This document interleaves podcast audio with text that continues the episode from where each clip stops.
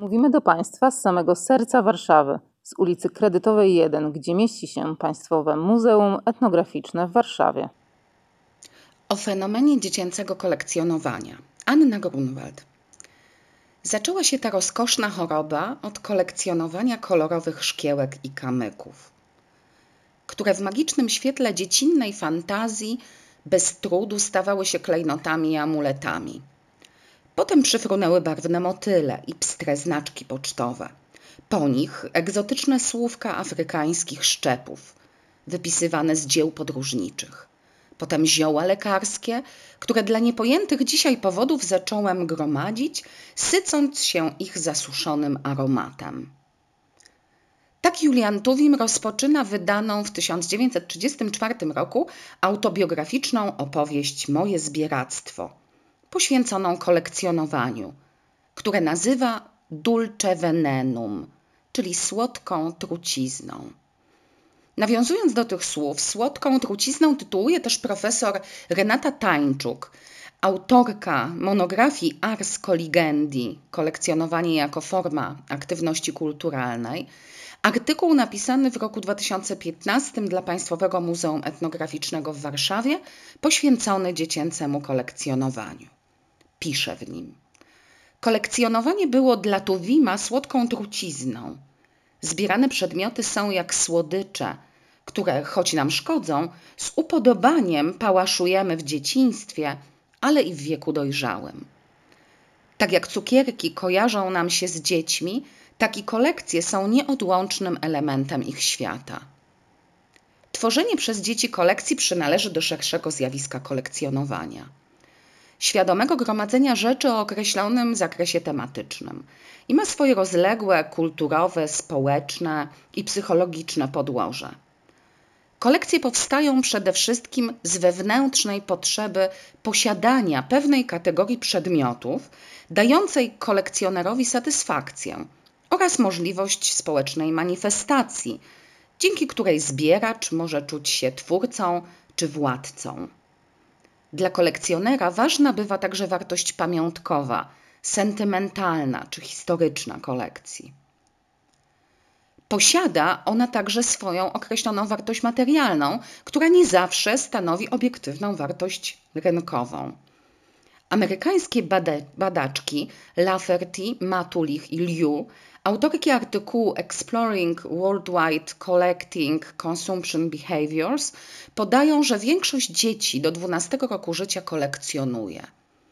Aż 70% dzieci do lat 6 aprobuje posiadanie kolekcji, zaś powyżej 10 roku życia ich odsetek spada do 23%. Dla porównania, Kolekcjonerami jest około 22% dorosłych między 30 a 45 rokiem życia, zaś między 45 a 55 tylko 13. Hannah Arendt zwróciła uwagę, że Walter Benjamin był prawdopodobnie pierwszym myślicielem, który podkreślił, że kolekcjonowanie to pasja dzieci. Jeden z fragmentów ulicy Jednokierunkowej poświęcił dziecku – Ukazał je w nim między innymi jako łasucha i namiętnego zbieracza. Dziecięce kolekcjonowanie miewa swój początek już w wieku przedszkolnym i charakteryzuje je duża spontaniczność i żywiołowość. Jego katalizatorem bywa najczęściej grupa rówieśnicza, a mecenasami na ogół rodzice czy opiekunowie. Wspierają oni i podsycają ten zapał lub studzą tę pasję, jeśli wybrana jako cel zbioru grupa przedmiotów jest szczególnie wymagająca lub wiąże się ze zbyt dużym finansowym obciążeniem. Dziadkowie współczesnych przedszkolaków i uczniów młodszych klas szkoły podstawowej są pokoleniem urodzonym po wojnie które w literaturze przedmiotu było opisywane jako pierwsze pokolenie dziecięcych kolekcjonerów na skalę bardziej masową. Zjawisko dziecięcego kolekcjonowania upowszechniło się i nabrało szczególnego wymiaru u dzieci, których dzieciństwo przypadało w Polsce na lata późnego PRL-u. 70. i 80. XX wieku, okresu niedoboru dóbr materialnych. Wyraźnie zauważalna jest wówczas niezwykła kreatywność w tworzeniu i kształtowaniu oraz pozyskiwaniu przedmiotów kolekcjonerskich, jak na przykład kapsle, puszki po napojach kupowanych w Peweksie lub przywożonych z zachodu, historyjki dołączane do gum Donald. Współczesne kolekcjonowanie pokolenia dzieci w wieku 6-12 lat, urodzonych już w XXI wieku, pozostaje pod bardzo wyraźnym wpływem oddziaływania marketingu, dóbr skierowanych do dzieci oraz reklamy. Chociaż z pewnością nie jest to zjawisko jednorodne. Jest istotnym i masowym zjawiskiem społecznym, wobec którego zarówno etnologowie, antropolodzy kultury, pedagodzy, psychologowie, czy wreszcie rodzice nie powinni przechodzić obojętnie.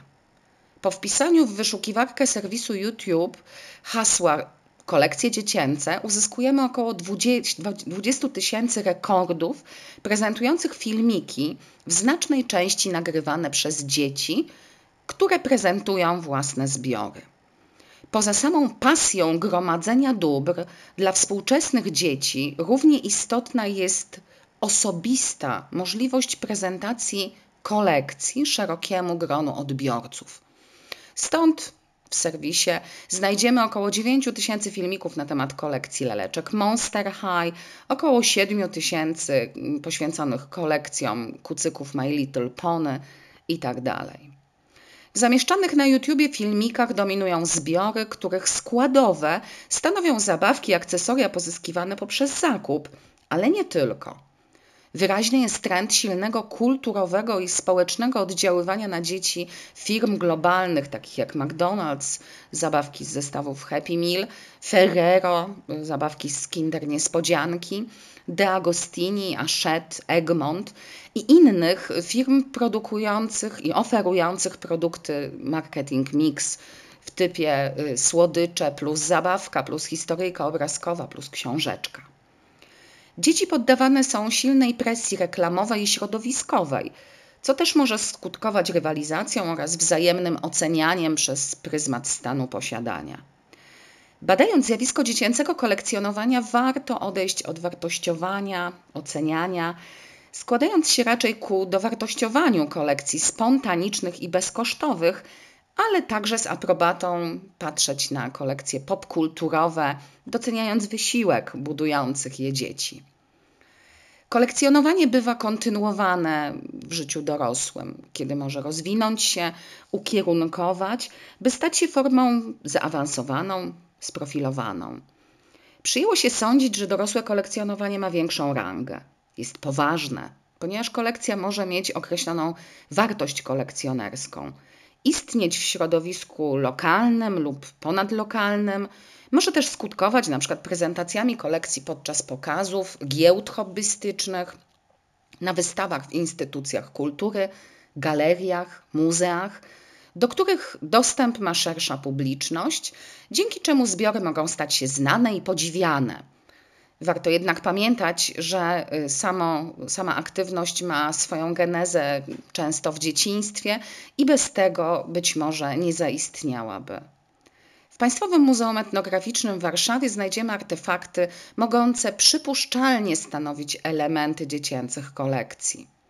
Zabawki zrobione samodzielnie przez dzieci lub dla dzieci przez dorosłych, rodziców, dziadków oraz te kupowane na odpustach, targach i jarmarkach.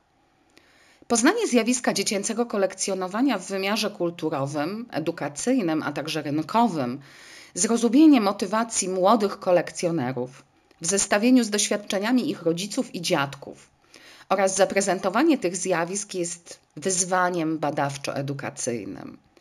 Takie podejście wydaje ci się być ważne dla etnologów i edukatorów, ze względu na chęć uchwycenia tego zjawiska w określonym przedziale czasowym. Wysłuchali Państwo podcastu Państwowego Muzeum Etnograficznego w Warszawie.